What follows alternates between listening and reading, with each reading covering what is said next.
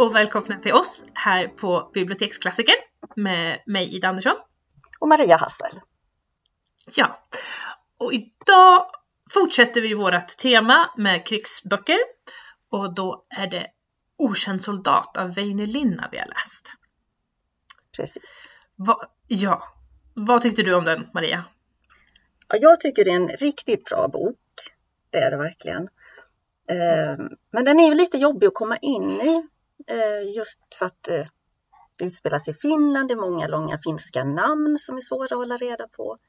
Och att den då är skriven med dialekt för att visa på att de här eh, soldaterna kommer från olika håll i landet. Så, och deras olika karaktärer och så här. Så att det tar lite tid innan man liksom kommit in i själva texten och liksom följer på. Men när man väl har gjort det så är den ju helt, ja, jag tycker den är jätte, jättebra, verkligen. Ja. ja, alltså jag tyckte också den var jättebra. Uh, och som du säger, det är ju lite speciellt med dialekten. Jag vet inte om... Jag vet... Ja, det var ett väldigt intressant bara förordet av översättaren. Ja. Det här liksom att vi får hela det här hur de har tänkt och allting. Bara det är ju väldigt ovanligt och väldigt ja. intressant. Men sen är det ju också det här, jag vet inte om tanken var ju då att, ja, som du säger, man ska märka att de kommer från olika ställen. Det är så här, men jag vet inte om jag märker någon skillnad på dialekterna så att jag kan säga, ja, men den dialekten kommer därifrån och den dialekten kommer därifrån. Jag hör liksom bara, ja men det här är en dialekt. Exakt. Det är inte som, för det är ju finlandssvenska dialekter. Mm. Eh, det är ju inte, de har inte översatt det till svenska dialekter inom citationstecken utan det är, det är ju svenska dialekter för det är finlandssvenska dialekter. Mm. Eh, men som rikssvensk då så eh, eller ja, Sverige, svensk, jag vet inte hur man ska uttrycka det, men som, eh, då känner man kanske inte igen de dialekterna lika väl som man skulle känt igen en skånsk dialekt, en norrländsk dialekt, en västgötsk dialekt. Inte nödvändigtvis sagt att man skulle känna igen dem heller. Nej. Men, eh, men efter jag förstår så är ju det en jättestor del av den originalutgåvan, alltså Precis. på finska, att de har de här dialekterna, det är viktigt. Där måste vi ge en tyngd, ja, liksom, att det verkligen mm. sätter liksom, eh, ja, agendan på boken. Liksom. Ja, och det visar att det kommer överallt, över, de kommer överallt ifrån, från hela landet liksom, till, mm. till de här, eh, till armén. Um, vad är det för bok då? Vad, vad handlar eh, Okänd soldat om? Ja, vad handlar den om? Eh, Ska jag försöka ta lite kort kanske? Ja, det, det, det är ju svårt.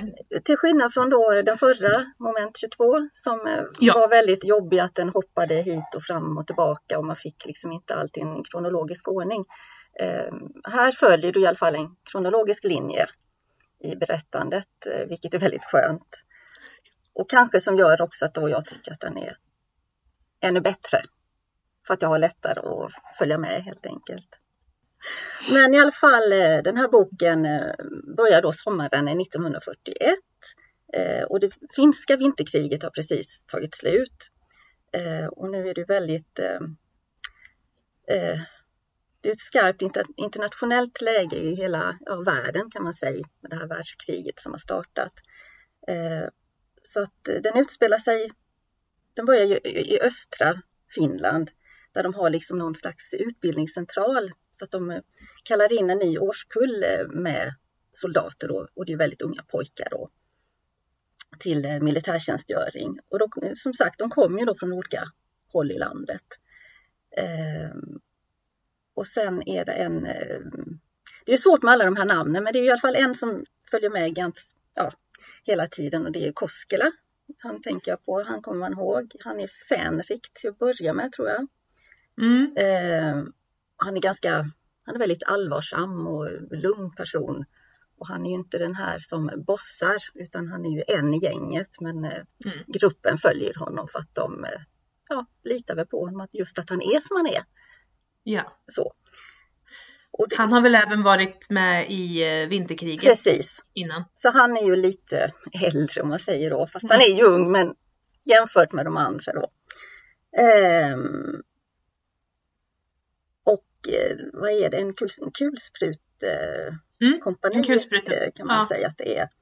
Eh, och den plutonen Koskela har till, det är tredje plutonen då. Det, det, är ganska svårt med alla de här olika graderna och befälsfattningarna och där känner jag mig helt lost. Där har jag väldigt svårt att liksom komma ihåg personerna i början.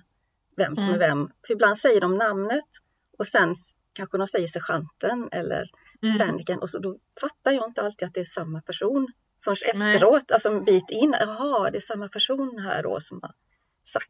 Ja, Alltså det är lite intressant det här, ja den är skriven på dialekt så det, det förekommer ju en del finska ord för att ja, det, gör det, det gjorde det. Och det, det, gör det i en finlandssvensk dialekt. Och det är så här, men så ord man inte förstår. Men samtidigt så här, för min del kändes inte det, för det är så här, men det är ändå så mycket jag inte förstår med gradbeteckningar, med vilka vapen de pratar om, med liksom manövrar. Så det är så här, jag förstår sammanhanget. Ja, man får liksom strunta i det, de där små detaljerna som man inte hänger med på. För det, man hänger med ändå som du säger i sammanhanget. I det stora mm. hänger man med och det är det viktiga då. Eh, och sen, ja de här då pojkarna som kommer hit och då när kriget bryter ut så eh, förs de ju till fronten i lastbilar och eh, utan förklaringar egentligen. Så de vet ju inte riktigt vart de ska, vad de ska göra eller någonting. Eh, och eh, ja, det händer ju en hel del där också. Det är ju en, en ung, då, jag reagerade på, eh, vad heter han, Vanhalla? Jag vet inte hur man uttalar mm. de här namnen. Han är ju ganska eh, lite blyg men ändå lite skojfrisk och säger lite, ja, fnittrar hela tiden. Vanhalla är så fnittrig. Och, så här. och eh, vad är det han säger? Jo, ganska tidigt i boken säger han att eh, en finsk soldat är god för tio ryssar. Mm. Men så är det ju någon av de andra, jag kommer inte ihåg vem, som sådär liksom, hm, ja, kanske det. Men vad gör man när den elfte kommer? Ja. Och det är ju liksom, oh, det lägger lite tonen i boken, att den, den, den har ju humor i sig i det här, fast mm. lite lakoniskt, lite, mm, ja, jag tycker väldigt mycket ja. om det. Ja, alltså grejen är den att jag, jag läste också att den skulle ha humor. Jag, jag, det är möjligt att den hade det, att den liksom, humorn färgar liksom. Mm eh, det här lite svarta humorn. För jag tolkade inte den, jag märkte inte av humorn.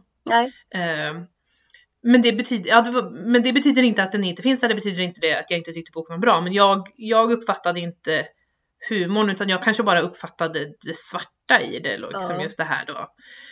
Um, men det är ju bara humor Precis. är ju extremt ja. eh, individuellt. Ja men det är det ju, Så. absolut. Och det, det är väl ganska svart humor många gånger mm. dessutom. Alltså, och, och mer karaktärerna kanske då som man tycker om hur de uttrycker sig och så här som jag kan tycka att, att, ja, att det blir lite humor av det fast ja. det är väldigt svart.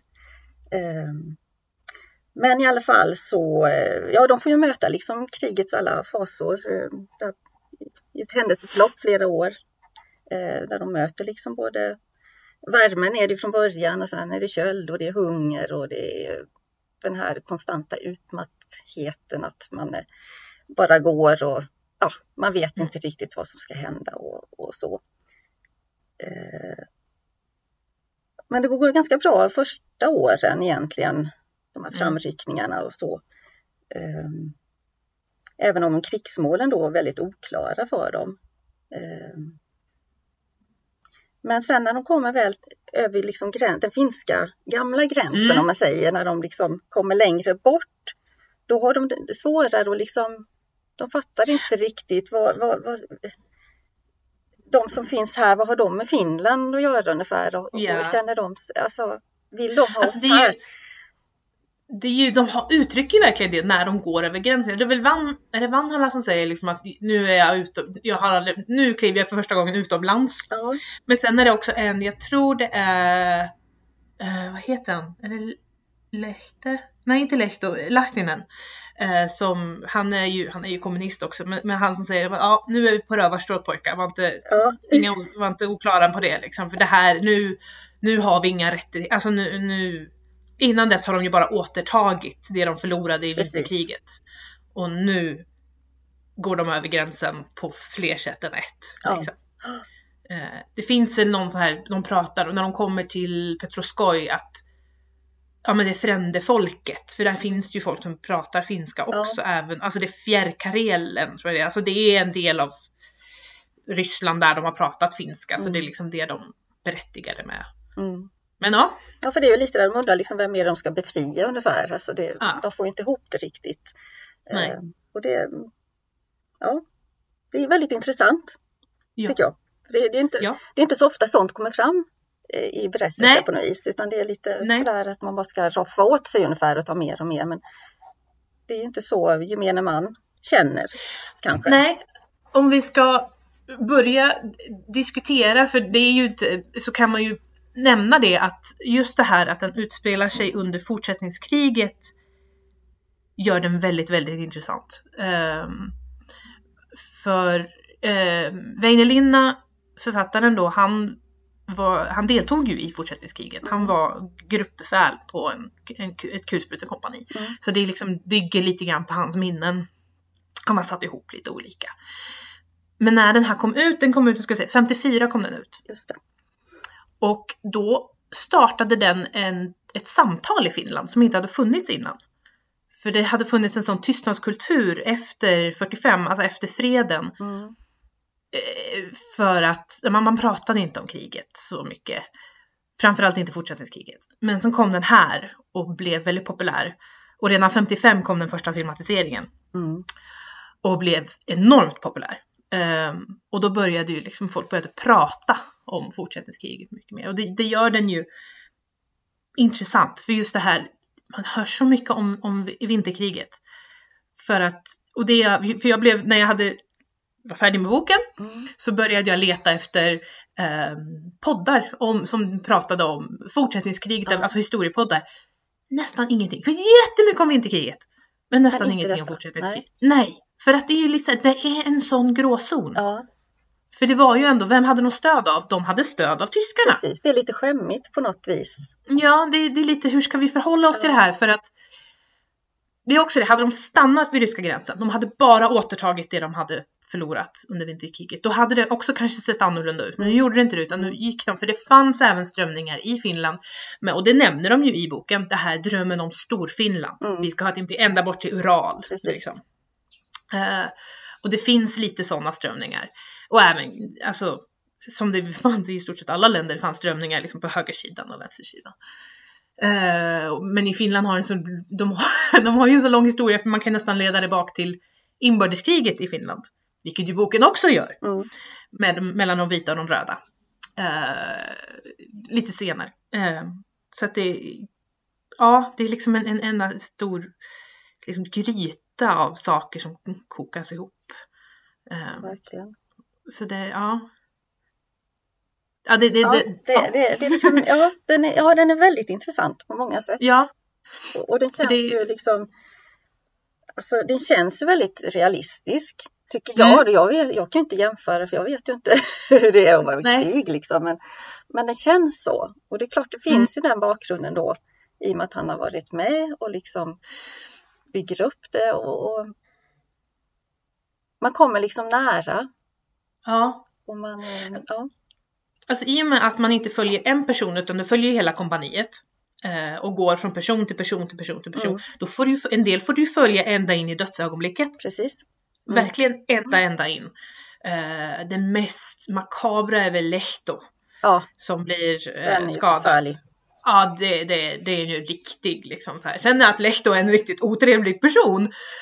Mm, det är det är- från början. Det, det är en annan femma. Men ehm, jag kan ju säga att jag är, som sagt, jag, jag, gick, jag gick in i den här. Jag tyckte om den, den var jättebra. Um, det finns tre filmatiseringar av den. Mm. Den 55, en 85 och en som kom 2017.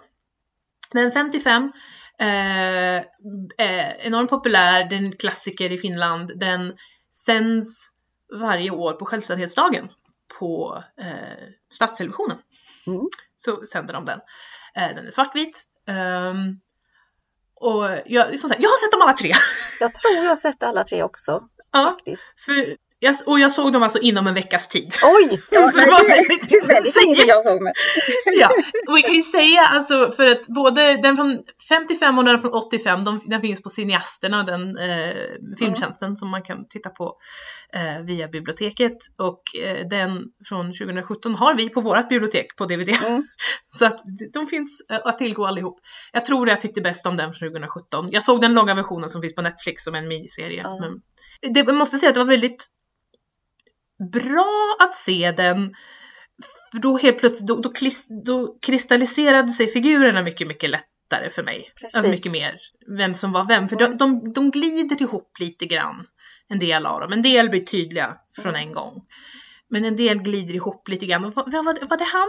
Eller var det han? Eller var, för det, det, är inte jättebeskrivet alltid hur de ser ut och, och liksom eh, en del som Vanhalla hör man alltid när det är Vanhalla för att Vanhalla fnissar Ja, alltid ja, när han precis. pratar. Det är vissa som sticker ut. Liksom. Ja, precis. För jag hade precis den intentionen att jag skulle liksom se i alla fall en av filmerna.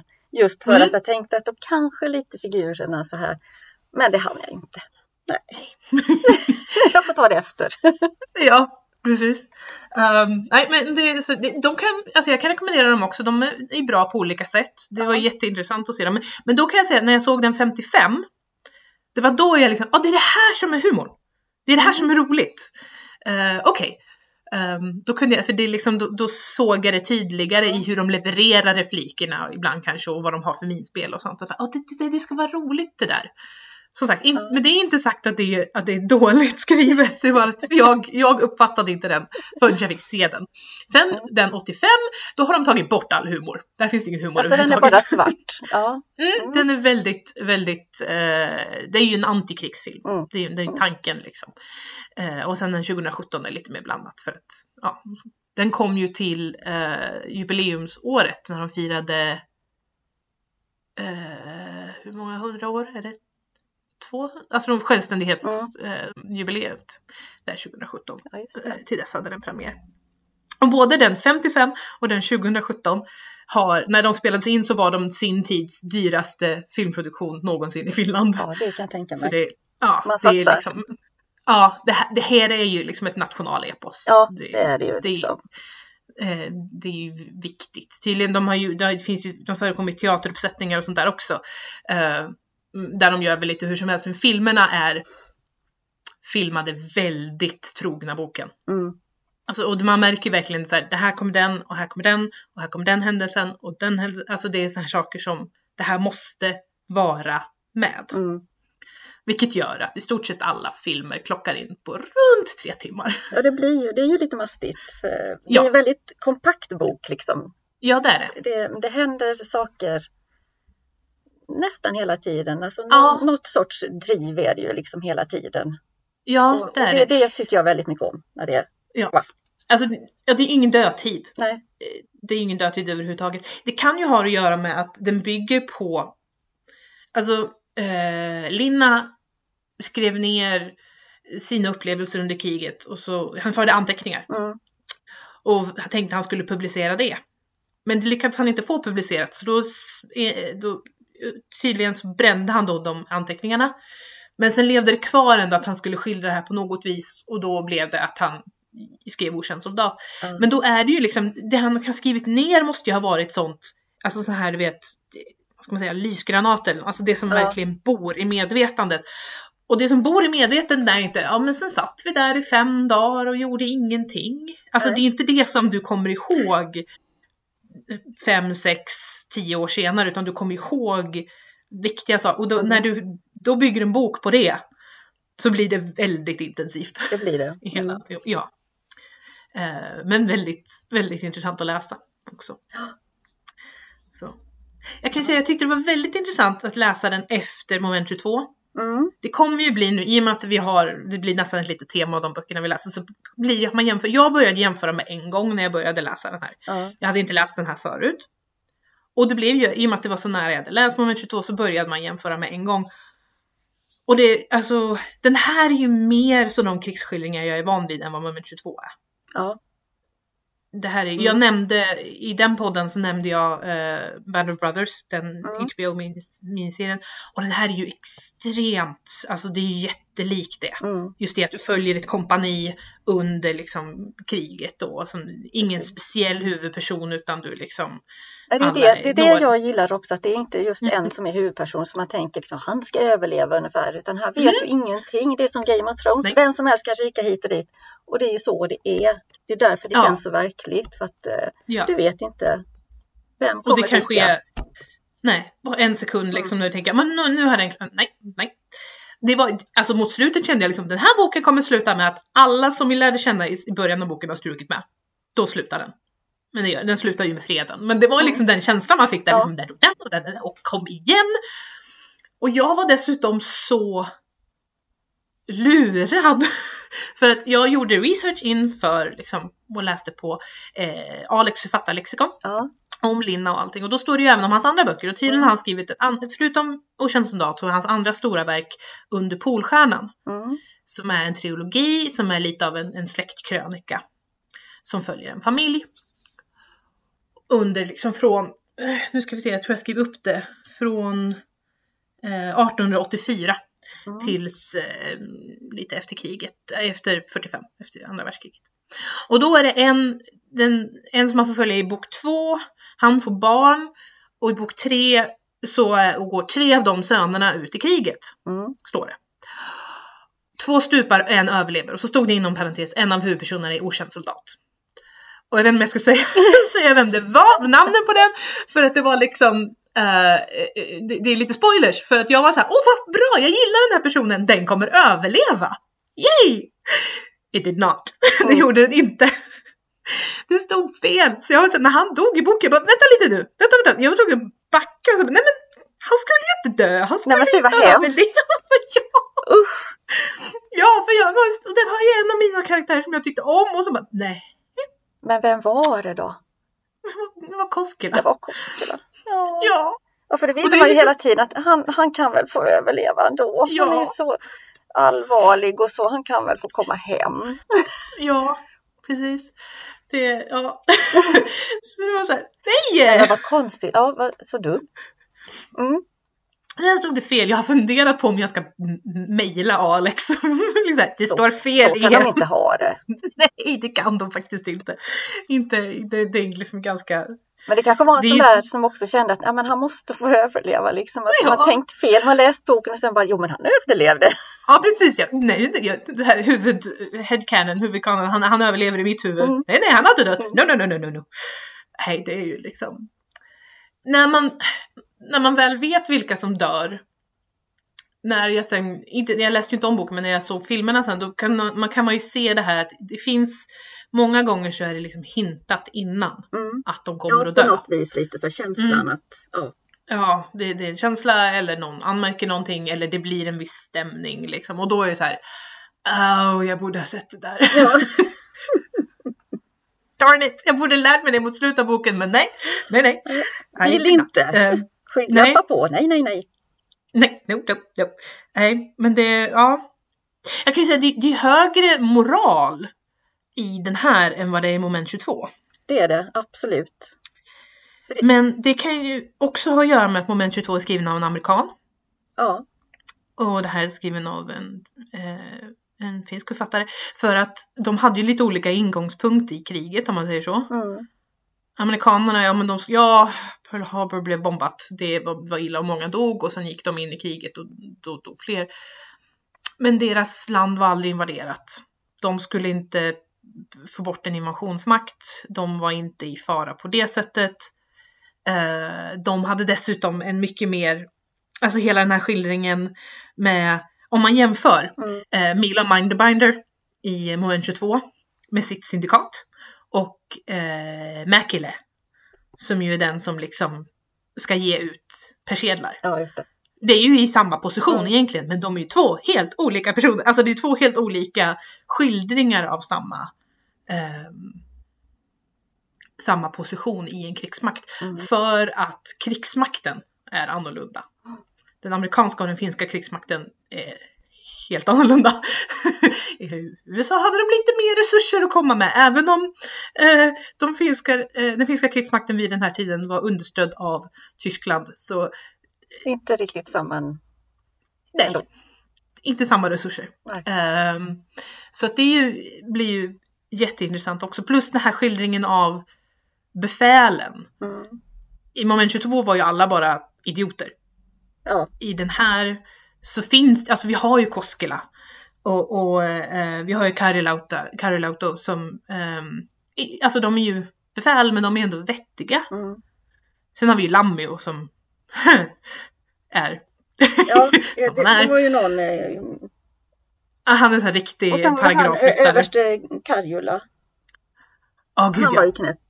Där, där Ja. kom galningen, liksom den riktiga galningen Ja. om man säger. Men, Ja, men annars är det väldigt långt ifrån ja moment 22. eh, I, eh, precis. Det är det ju. Så att, som sagt, det kom, jag kommer kanske återkomma med, med eh, jämförelse med moment 22. Men jag tycker den här är bättre. jag tycker Mm. Okänd soldat är bättre. mm, Ehm, på, de har väl, de har båda sina, de försöker ta det åt olika håll men ja. ehm, ja.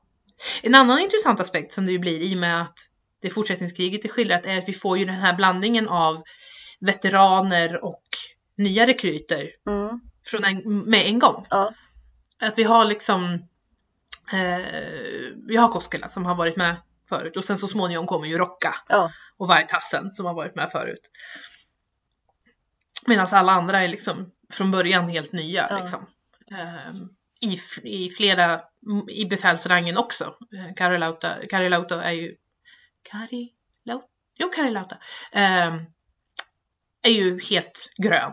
mm, Och i sin första strid så blir han ju paralyserad. Liksom. ja, Eh, fram tills dess att eh, Karna tar över och stupar med en gång. Mm. Em, väldigt eh, snöpligt. Em, eh, ja, nej, men det, det gör att det blir en intressant eh, blandning på det hela. Liksom.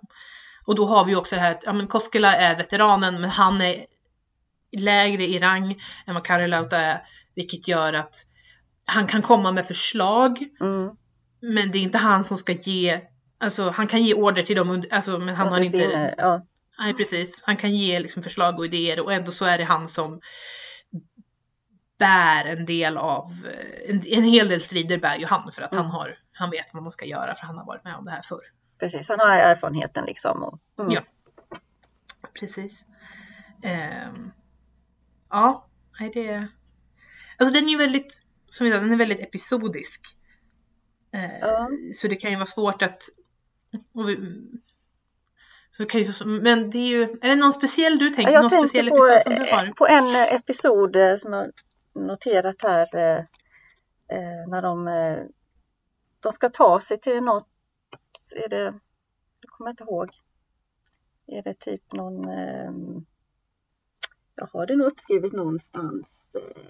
De ska i alla fall gå i gåsmarsch. Vet du vilken Mm. händelse jag tänker på då? När de ska gå, hela regementet, det är väl 3000 man som ska gå nattetid över sumpmark och grejer. Typ 20 kilometer Ja. eller någonting. För att komma fram till fiendens eh, ja, en knutpunkt, eh, är det tåg och sånt. Ja, Okej. något Mm. ställe i alla fall. Och eh, alla ska ha då en, en vit näsduk eller lapp på ryggen. Ja, just det. Mm. För att de ska liksom gå i gåsmarsch och man ska ha det här vita och följa. Och det är ju Mm. rätt läskigt, de går och går, det är ju jättejobbigt.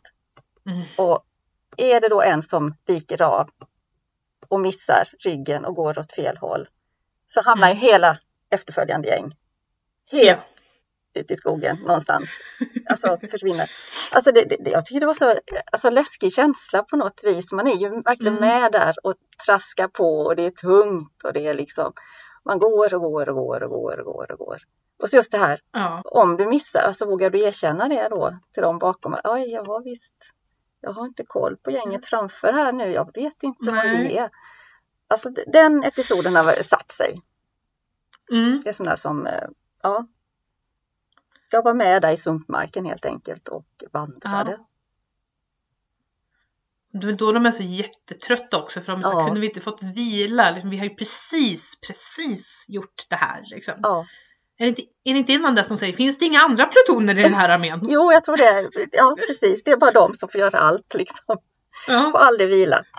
Den är bara på hela tiden. Så att, eh, ja. Men vi kan ta en episod som jag, Mm. som, som jag har. Det är det här med, med eh, Killion. Eh, när de gör hembränt Ja, just det. och super till. lit, det är ju verkligen, där kunde jag säga, ja men det här är en humoristisk liten, där kunde till och med jag se det. Men även där, även när det är liksom, för det är ju på, det är på Mannerheims eh, födelsedag så de har ju fått konjak. Ehm, Tror jag de har fått. Eller, jo men det är konjak. är nog. Ja, Jag jag kommer tror inte Ja. konjak. Som alla har fått. Ehm, och som de då, de börjar med finspriten och sen går de vidare till det hembränta. Mannarna då. Och sen blir de ju för fulla. Och Koskela blir så full så att han går, han bestämmer sig gå liksom till ehm, där, där, eh, officerarna sitter, officerstaben och börjar attackera folk där så de binder upp honom och tar hem honom. Men grejen är den att det är en väldigt snygg skildring av klasskillnaderna Mm. inom armén. För det talas det mycket om. De kallar ju, de måste ju, de kan ju inte dua sina officerare, de måste ju säga herr. Mm. Och vilket då gör att de pratar om herrarna Mm. hela tiden. Herrarna. Och det lever ju kvar det här lite från det vita och det röda och det märks jättetydligt där för att i, när mannarna som super på hembränt och blir fulla på det, de sjunger rödgardistsånger. Mm. Och det är ju även vi får, är det inte då vi, tar, det, vi får reda på också att Koskelas pappa var röd. Jo, det är i Röd under samband ribban. med det för han Ja. börjar prata ryska Ja. termer och ja. Ja precis, och han, hans pappa har ju suttit i fångläger. Och även hans morbror, jag tror några av dem till blev avrättade. Så det är liksom, där har vi den. Och sen går vi då till officer- officerarna. Som, eh, de dricker, de blir fulla på finsprit. Mm. För de är ju inte så många som måste dela på den här konjaken så de kan ju bli fulla på den och sen har de säkert något annat. Och de sjunger eh, nazistsånger. Mm. De sjunger SAs kampsång. Det är den han står och sjunger när Koskela kommer in. Så där har vi liksom, där har vi den vita sidan, där har vi högern och sen Mm. liksom vänstern. Så det här, det överordnade som då kanske driver lite grann åt, ja lite mer, ja vi är allierade med tyskar men de, ja det är inte så farligt var det, vi, vi har inget emot det. Ehm, så det är, det är ju väldigt intressant liksom, att det blir verkligen ställt mot varandra där. Mm. Så. ehm. Och som sagt, Koskela kommer dit och börjar prata ryska. Ja, och sen börjar attackera dem. Ehm, Sen kommer han inte ihåg det dagen efter riktigt vad han gjorde. Nej. Men, eh, det var kanske bra det. nej. Han var så ruskigt, ruskigt full. Vilket de, vad är det? Heitanen säger att någon har någon har druckit kattpiss med min mun. Han Ja. vaknar nästan. Alltså, det är så På den nivån. Ja, det är liksom... Eh, och ja, eh, hela den. Och, sen, och där kunde jag också se humor när han sen går till Mäkile och ber att få en, en salt sill. För att hjälpa med. Just det. Och jag, jag, jag är mitt stilla men salt sill. ah. Mm. Jag tyckte det lät så äckligt men tydligen Det kanske är det, funkar. vad, det, det är olika vad man tycker. Ja. Ja, men då har vi ju, det kommer ju inte så långt efter det här, vad kommer den här diskussionen om Nej, vänta nu. Det har varit, är det innan det här som det har varit? När de, för när de ska lämna Petroskoj så vägrar ju de att gå därifrån. Eller de, de säger, vi går inte. Vi går inte. Hela Ja, kompaniet det. liksom. Nej, Ja. vi går inte. Eh, vi vägrar. Och sen får ju Koskela igång dem. Han börjar packa ihop och liksom, ja men vi, Mm. vi går. Eh, och då går alla till slut i alla Mm. fall. Och sen scenen efter det så har vi den här inslaget med de två som har lämnat sin post. Och blir arkebuserade Ja, för det. just det. Mm. De två soldaterna. Som man är liksom, det- den bryts in väldigt abrupt. Ja, för de har ju inte varit Eh, med tidigare utan det är liksom bara ett, ja, ett inklipp så här Ja, mitt i och man bara, jaha, vad händer nu? Va? ja, och sen visar det sig att det, det, är liksom, det är en av befälen som står och läser upp det här för mannarna i kompani. Och det är liksom lite så här, det är ställt mot varandra att så här illa kan det gå. Skärpning nu! Mm. Eh, för vi tar det här på allvar. Ehm, och illustrera hur, alltså vi är det kan verka att det är väldigt lössläppt, för det har varit Petroskoj där liksom befäl har supit sig fulla och det, det har varit allmänt röveri och de har liksom kunnat fara lite hur som helst, men, vi är fortfarande i krig och då är det våra regler som gäller. Precis. Eh, och det finns ju lite så här under, vi har den som är inbruten och vi liksom illustrerar det väldigt, eh, väldigt tydligt. Alltså det är väldigt grymt, väldigt effektivt och tydligare än någonting annat de gör i moment 22. Eh, verkligen så här ser det ut i en militär. Och men de har ju den här diskussionen om ja, men, lyda order och följa ehm, följa i rangordning och lyda sina överordnade och lyssna på överordnade, respektera överordnade, den disciplin vi måste ha. ehm, och det framförallt med Rocka som ju vägrar. Ja, han duar ju ja. alla liksom. Och Ja, bara, han duar alla och det är så, du kan vinna hans respekt. Men du får den inte för att du bara har liksom, En rang, liksom. stjärnor. Nej. Eller, nej precis, knappar på din eh, krage. Utan det är liksom, du, om du gör någonting bra, då respekterar han dig och då är det liksom, that's fine. Han är där för att slåss och få tillbaka Karelska näset som han kommer ifrån. Han vill få tillbaka sin, försvara sin gård. Eh, sen handlade han inte direkt vad han hade tänkt sig göra. Men ja, Nej, han har även varit med i vinterkriget. Ehm, och då har vi hela det här när han är otroligt, otroligt um, oförskämd mot en överste. mm, Eller ja, vad militären tycker är oförskämt mot en överste. Ehm, och blir, alltså, han, får, han blir dragen inför Lammi och, och Sarastie. Och Sarastie liksom går igen, vi måste ha den här disciplinen. Du behöver inte den, vi vet det, du klarar det utan vi måste ha den för alla, för annars går det inte. För det finns en del som det inte funkar utan. Vi måste ha att vi ska, alltså att säger jag någonting ska du lyda det. mm, Och det måste gå neråt för att annars kan vi inte, det är ju så att det finns ju liksom flera olika sätt att tänka på det där men för att det är ju det att de meniga är ju många, många fler än de överordnade. Oh ja. Det är alltid så. Ja. Och skulle de gö- göra revolt och vägra att lyda order, alltså myteri, Mm. så kan inte de överordnade göra så mycket annat. För att det är fler vapen på ena sidan än den andra.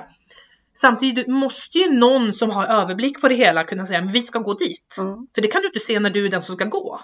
Men någon som sitter med kartorna kan säga vi ska gå dit och göra det här. Eh, och det är liksom en sån här stor koloss som måste liksom drivas med någonting. Men den disciplin kan ju fullständigt krackelera också, vilket de ju sen visar med, ehm, vad heter det nu, eh, Karjula. Som ju får tokspel och vägrar låta dem retirera för att nej, vi ska hålla den. Och de säger vi kan inte. mm. Det går inte. Men ni ska hålla den annars så faller alltihopet. Ja men då faller alltihopet. Och sen när han då väl retirerar då är det så här, ah, nu hoppas du är nöjd nu. Och sen i hela det här, han blir så uppeldad så till slut och säger åt alla att de inte alla retirerar. För att ryssen kommer. Mm. Det är mot slutet av alltihop, ryssen är på väg, alla retirerar för vi har inte en chans. Och vägrar inse det och det slutar med att han skjuter en av dem. Mm. Och då har man ju, han har ju ingen självdisciplin, ingen, han har ju inte någon disciplin överhuvudtaget han kan, och då kan han heller inte utöva den på han, han litar ju bara på sin grad. Mm. Och han är ju den, han är ju den här typen av över- överordnade som jag sa, de sitter och tittar på kartan och säger vi behöver gå dit Mm. för att det här ska gå. Men han kan inte se att det funkar, i- alltså han har ren kartkunskap, inte... Inte det andra, Det- hur det Nej, fungerar. det är väldigt intressant när man då ser filmatiseringar på det här för att då är det så extremt tydligt för att alla andra är smutsiga. Ja. Och så kommer överordnade in i sina rena uniformer. Mm. Fina uniformer, de andra är liksom de är smutsiga, det, det, det är saker är sönder, det är uppkavlade ärmar, det är liksom bara allting är... Det är så här, vi har varit ute i fält länge. Och så kommer över, liksom, eh, de överordnade kommer ofta in med en liten fin bil och så Precis, helt glider rena. in liksom. Ja. Och Doftar säger, nu gott. ska vi, Mm. ja, bra mannar, det här är bra gjort. Nu ska vi jobba vidare. Vad vi inte vet är ju om de där överordnade kanske har jobbat sig upp och de kan ha varit med, har mycket erfarenhet. Det, men det vet vi ju inte. Nej. Men många är troligtvis inte så utan de har liksom gått skola och sen så. Precis, och aldrig varit liksom ute i slag egentligen kanske. Utan Nej. nej. Och det var ju lite det som moment 22 försökte driva i TES också, det här att de överordnade har ingen koll och det är liksom och den här, de drev, där drev, heller drev ju istället till absurdism. Att Mm. de har ingen koll och då blir det så här. Medan jag tycker det blir mycket, mycket mer effektivt här. Mm. I den här. När de ändå får liksom försvara och man kan förstå en bra överordnad. Som Sarasti är ändå Mm. Som Ah, ändå är liksom liksom vettig. Ja. Och han, liksom, han försöker med Rocka som du är en bra kar. Du är en jättebra soldat. Men ingen är oersättlig. Inte ens du, även fast du är så bra. Mm. Och jag vill inte behöva göra det här. Liksom. Sen blir det ju lite så här, men jag, kom, jag förlåter dig den här gången. Och man bara, herregud. Rocka är liksom bara, ja ja, sure, fine, Mm. whatever. Ehm, men ja, jag tycker den, den för fram sin tes på ett mycket bättre sätt. Ja. Eller alltså, Moment 22 är ju också bra på det, men i den här så Ja, men- kände jag inte den frustrationen. Nej, för jag tänker det är ju alltid en, liksom en mix också. Ja. Och det får han ju fram mycket bättre med att visa att det finns både och. eh, Mm. Än som i heller där det blir liksom allting. bara- Alltså för alla är Ja. ju inte tokiga, alla är ju inte knäppa och Nej. kan ingenting. Utan Eh, sen driver han ju med det, som du säger, på ett sätt så att det, det Mm. funkar i den boken. På det viset han skriver så funkar det. Men det här blir det mycket lättare Ja. att ta till sig. Ja, jag tror det. Alltså det ju, I Heller så var det ju, liksom- jag var frustrerad på slutet, vilket Mm. gjorde att jag ville sluta läsa boken, för jag blev frustrerad på boken och vi diskuterade det, är Ja, meningen. precis. Men i den här så var jag bara förbannad. Mm. Vilket ju också är meningen, för att det är ju, alltså det är, men det är lättare, är jag förbannad vill jag fortsätta läsa boken. Mm. Är jag frustrerad så vill jag inte. Ehm, Men då kan man kasta den på någon eller någonting. Ja precis, precis. Men här är man förbannad och vill liksom, då vill jag att det ska, de ska få. Ehm, och det är ju lite det. I, i Heller så var de, eh, vi vet inte, vi bryr oss inte. Medan i den här, i, i, i Linnas del av kriget så är de, de är förbannade. Ja. De är Ja. sura och arga och förbannade och liksom, men samtidigt är de, det finns den här kamratskapen också. Den är väldigt viktig och väldigt Ja. stor del i boken. Ja. Man stöttar varann, hjälper varann. Och det var ju det, jag tror jag, jag nämnde det när vi pratade om moment 22 att det fanns inte där. Nej, Jag saknade den, den kamratskapen att jag, ja vi har fått den här orden, egentligen vill jag inte följa den men du ska göra det. Och jag kan inte låta dig själv. Mm. Så då följer jag med dig. Liksom. Och då gör vi det här tillsammans. För att jag kan inte svika mina kamrater. Och det är ju, alltså, ja.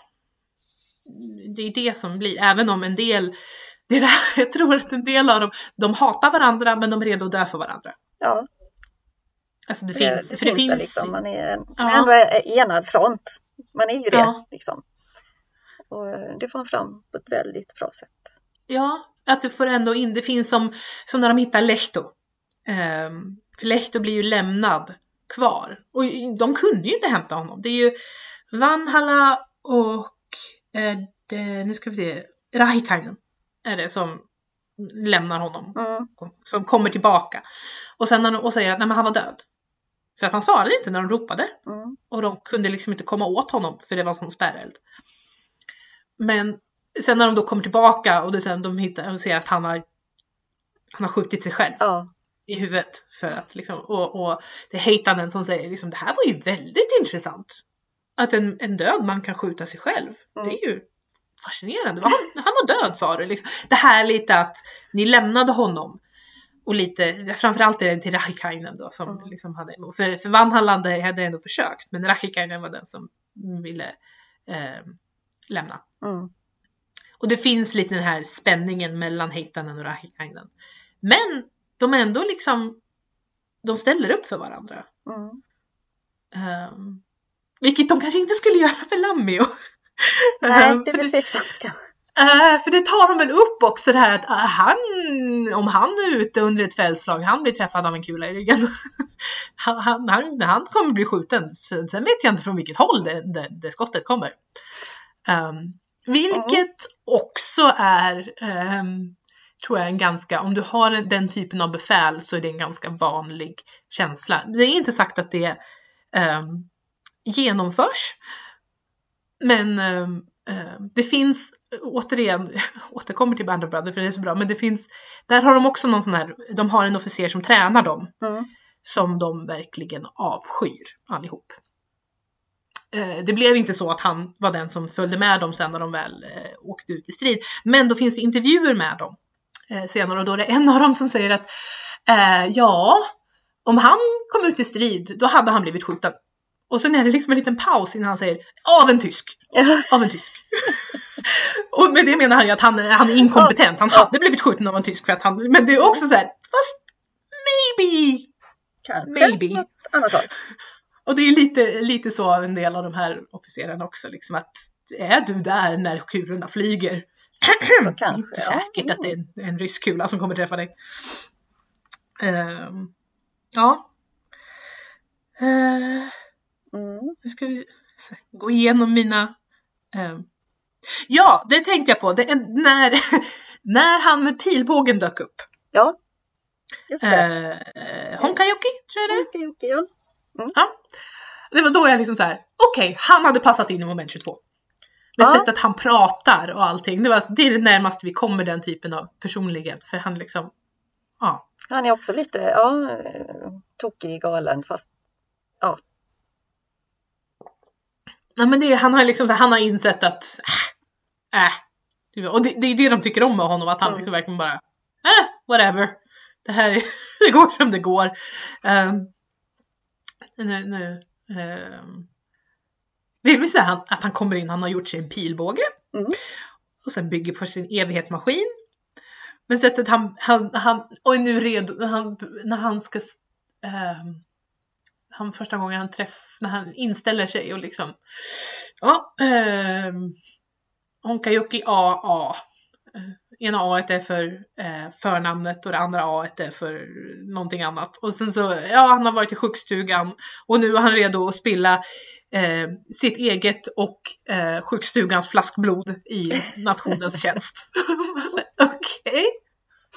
You're weird. Um, det har ju även det här, han, han ber ju en kvällsbön lite senare i boken.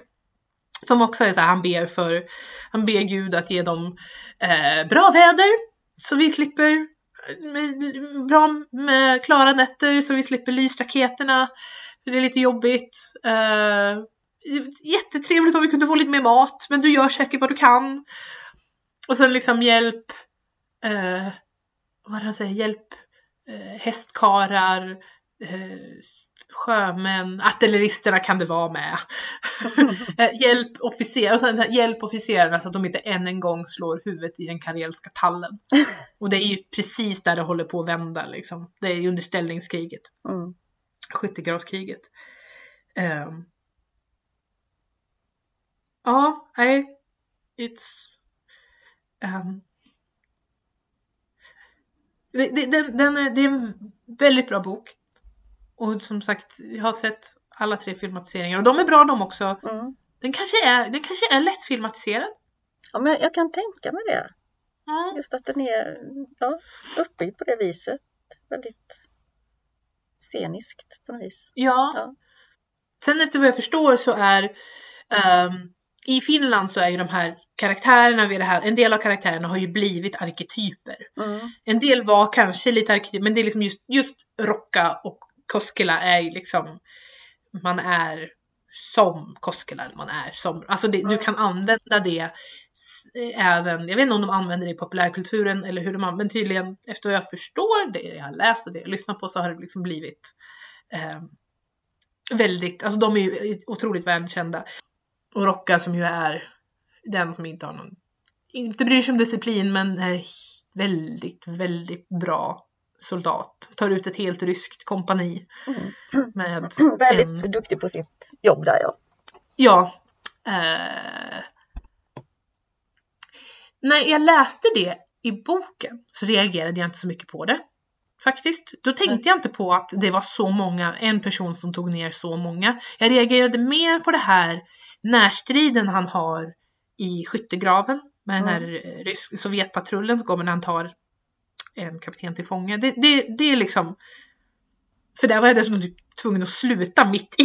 Jag var tvungen att göra någonting annat. Så jag var så här, men nu är det ju jättespännande! Det går ju inte. om han överlever det här.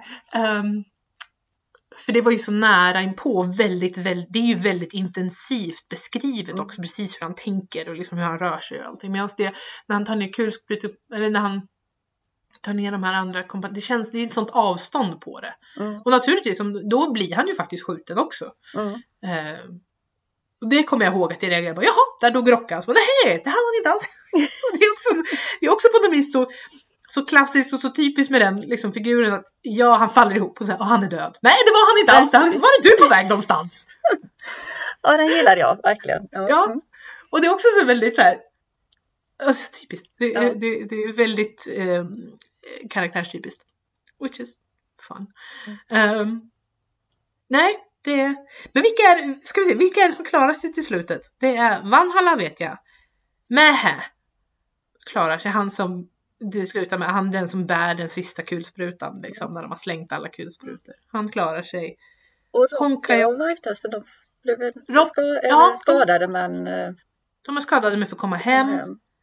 Rahikainen klarar sig också tror jag. Ja, tror jag. Eh, Lammio. Eh, och sen fanns det med några som, men, men av de som var, alltså av de som var från början så tror jag det är Mähä Alltså de som är från Ja, det, från alla, första ja precis. Ja, då tror jag det är Van, Vanhala och Mähä.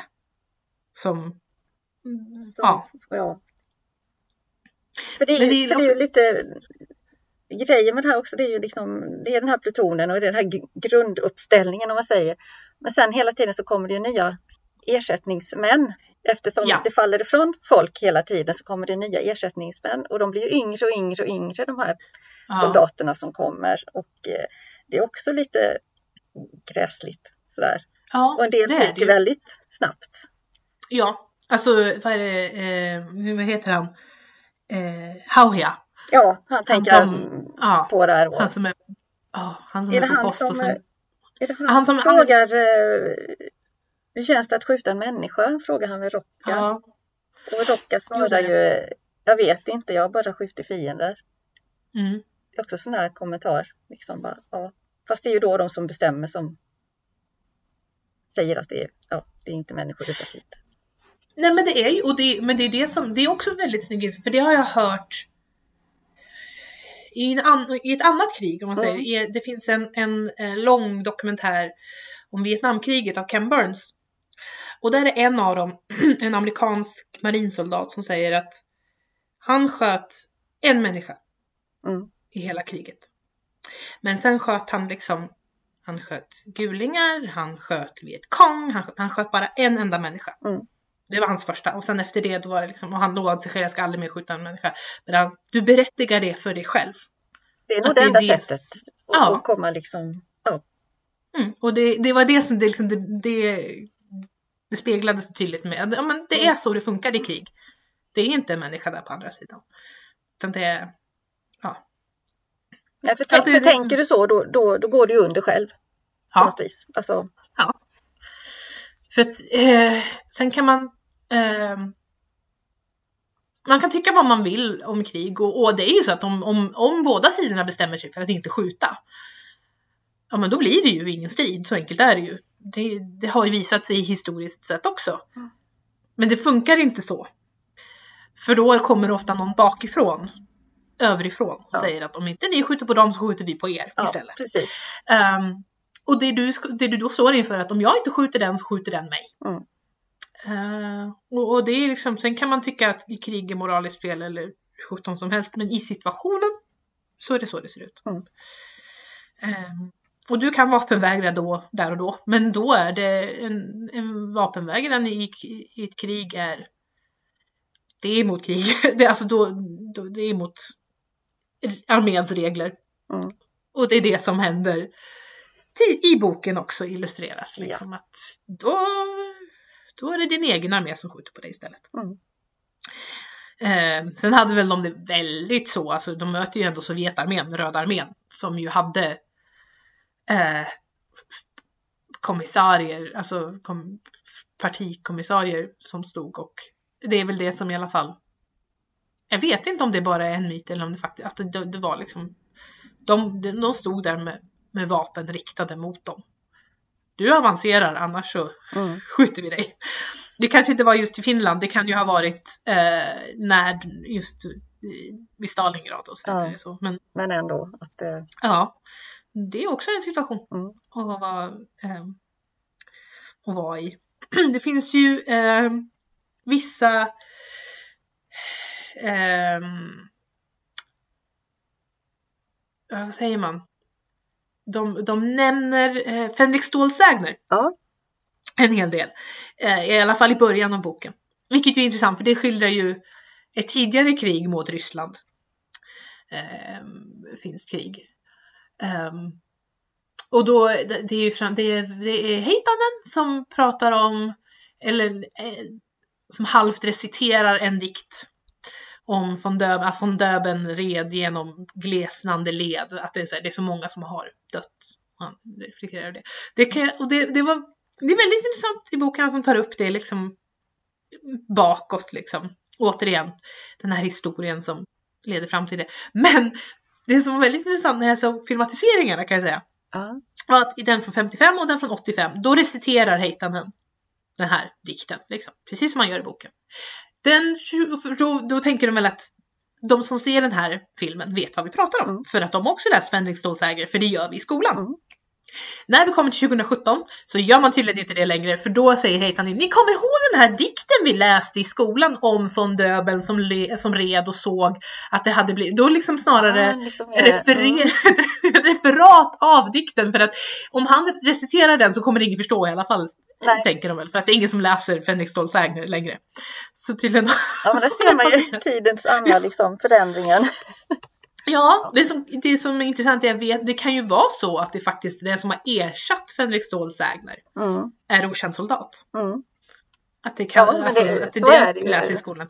Säkert. Jag vet alltså, inte om det, ja, det här är bara taget, det var liksom en egen teori att det kanske är så. Att det har liksom, det är den som man har nu. Mm, Eh, Dels har det gått så lång tid och ja, den är ändå, den är mer modern än Fänrik Stålsägner. precis. Um, Lite lättare Så. att ta till sig kanske. Mm. Ja.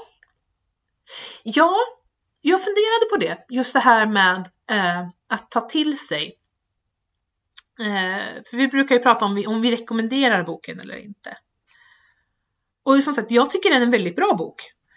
Mm, Men jag, det är en sån här bok som, jag vet inte om jag skulle se att man sätter det i händerna på en skolelev till exempel. På ett sätt ja. För den skildrar liksom en verklighet. Men på ett annat sätt, alltså den är ju tung att ta sig in i. Just med alla namn, med att den är skriven på dialekt, det är mycket ord du inte känner igen. Eh, och den är ju ändå alltså, den är, alltså den är ju över 50 år gammal. mm. Ehm, den är över 60 år gammal. Um, gud, är den över? Nej, den är inte över. Den är över 60. Ehm, och då är det så här, mm, jag vet inte om man kan sätta den i händerna på vem som helst. Nej, Eh. jag tror den är, den är nog lite för svår Mm. och tung. Jag vet vi hade, ja, jag vet vi hade en kille på eh, ett bibliotek där jag jobbar. Han verkar som han hade sett Netflix dokument, eller Netflix eh, serien. Mm, Så han hade lånat den eh, Mhm. boken, Okänd soldat. Och, läste, och, och honom tog det tid att, att ta sig igenom. Men han alltså, han gick i femman. Oj, Ja, alltså jag var så, det här var innan jag hade läst den. Jag hade planer, planer på att läsa den, men jag var såhär, den är nog ganska tung, hade jag en känsla av. Ja. Liksom. Så jag var såhär, okej. Men han tog sig igenom den i etapper. mm. Men då hade han ju sett Hade han en något att hänga upp det filmatisering på? först. Ja. Och var ju ändå intresserad och är, är intresserad av. Har du intresset Mm. så Ja, för- tror jag det är du. Ja, precis som det mesta. Liksom, du kan liksom inte tvinga någon så att nu ska ni läsa den här. Det går, det går ju inte. Det blir ju bara Nej. fel liksom. Men har du något du kan hänga upp det på eller något intresse eller eh, då kanske man kan. Ja. Men, eh, mm. Nej, den är inte för vem som helst, men Men som sagt, man får, man, ja, man får ge den eh, lite tid ja. komma in i så eh, är den väl värd det. Säga. Har du något annat du vill ta upp med den? Vi har väl sagt ganska mycket här va? Och vi har redan nämnt det där med att den... Eh, jag läste lite i Göran Häggs, den här boken 1001 böcker du ska läsa innan, innan du dör. Och där tar han ju upp Okänd soldat naturligtvis. Och där nämner han också det att det var en våldsam diskussion när den först kom ut. Eftersom det är mycket svordomar, den är oheroisk och eh, det här Koskelas eh, omilitäriska befälsföring och sådär, det väckte anstöt. Det är liksom, och att eh, det var lite där, ja, med kriget, med, att man stod på Nazitysklands sida, liksom att man krigade för dem, att det var lite så hysch, hysch. Men, eh, men på senare tid så har det uppfattats som ett äreminne över den finske soldaten, att det liksom kommit att ändra sig. Och eh, vad skrev han? Eh, En hyllning till hjältemodet hos enkla människor, en sorts analys av hur världens mest odisciplinerade armé samtidigt kunde rymma världens bästa soldater. Mm. tyckte jag var lite intressant kommentar. Ja. Så.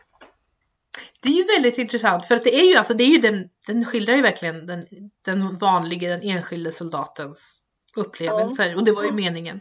Men det som ju är så intressant är att den är just, den är ju samtidigt lite i polemik mot den, just det här att, att Göran Hägg kallas en hjältesoldaten, för de är ju lite anti hjälteskildringarna, det här liksom för det, det, det pratas ju om att de här hjältarna, Mm. eh, utmar, eh, ut, utmarkssoldaten, eh, hjälten ute i, liksom, ja, hjältesoldaten. Och de säger det, de är ganska ironiska när de säger det. Mm. För de pratar även om hjältarna från vinterkriget, inom citationstecken i stort sett.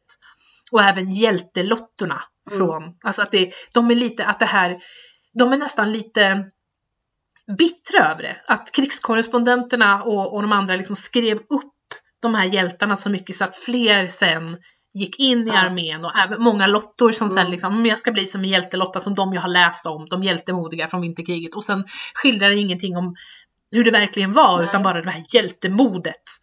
Vad är det som gör en hjälte då? Ja men det är ju situationen och den är inte skildrad utan det är bara hur de, ja. Och sen när de själva hamnar i den situationen. Att det inte, det känns inte så hjältemodigt då. Nej. Så därför är det ju väldigt intressant då att, att eh, Hägg säger att det Mm. det skildrar hjältesoldaten. Men nu kom jag på en liten episod där också när Oh. eh, eh, vem är det? Ja men det är väl han eh, med det konstiga namnet Honkajoki. Eh, Mm. Det är där på slutet någonstans när de ska vara frivilliga och, och göra någonting. Vad de nu skulle göra. Eh, och, eh, och han säger det i alla fall att eh, han kan inte vara frivillig utan han måste få en order för att våga Mm. göra det Ja, vem det, om det är Hittanen eller vem det var som eh, ja var det, tvungen att ge honom order. För då, Ja. då, då var det okej, då, då gjorde han Ja. det. Liksom. Då är det en annan sak. Och det är lite det där liksom att det visar ju ändå på ja, hur man är som människa. Liksom att, nej, men jag, jag vågar inte så mycket men visst, Om jag måste så. om jag måste så, det finns ingen Ja. annan.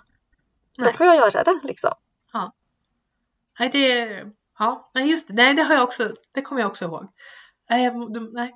Det var ändå lite, ja. Kan man väl känna igen sig lite i så kanske. Ja. Mm. Och det är ju också lite det här, jag följde bara order. Ja, Ehm, det med. Det är inte mitt Ja. eget. nej precis, det är inte jag som tagit Nej. det här beslutet. Jag har inget val i det här, då gör jag det. Eh, men det, följer, det finns också den här liksom, en del som blir beskrivna som hjältar i sådana situationer. Jag, gör, jag gjorde bara vad alla skulle ha gjort. Mm. Det var liksom bara vad varje människa, och det, det behöver inte stämma det heller. Nej. Att det är liksom en del så här, jag gjorde bara vad alla skulle ha gjort. Folk som har, alltså i situationer där man, alltså bra situationer där man har räddat någon eller man har utfört någonting som, en bragd av något. Men jag gjorde bara vad vem som helst skulle ha gjort. Att du på något vis, du förminskar dig själv i Mm. både det bra och det dåliga. Mm.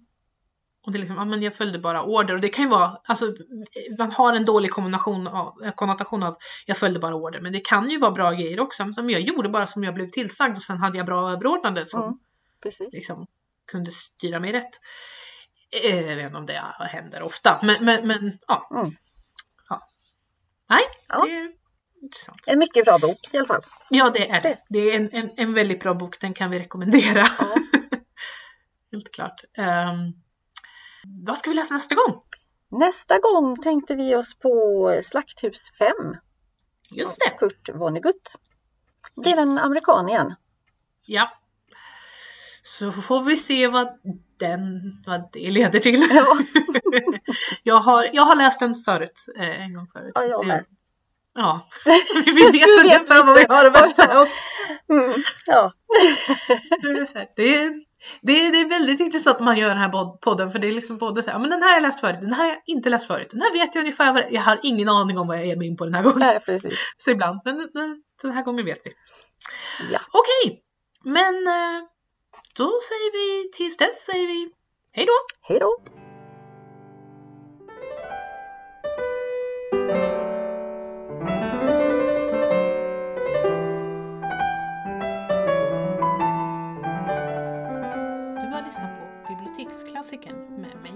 Andersson och med Maria Hassel, en podcast från Gislaveds bibliotek.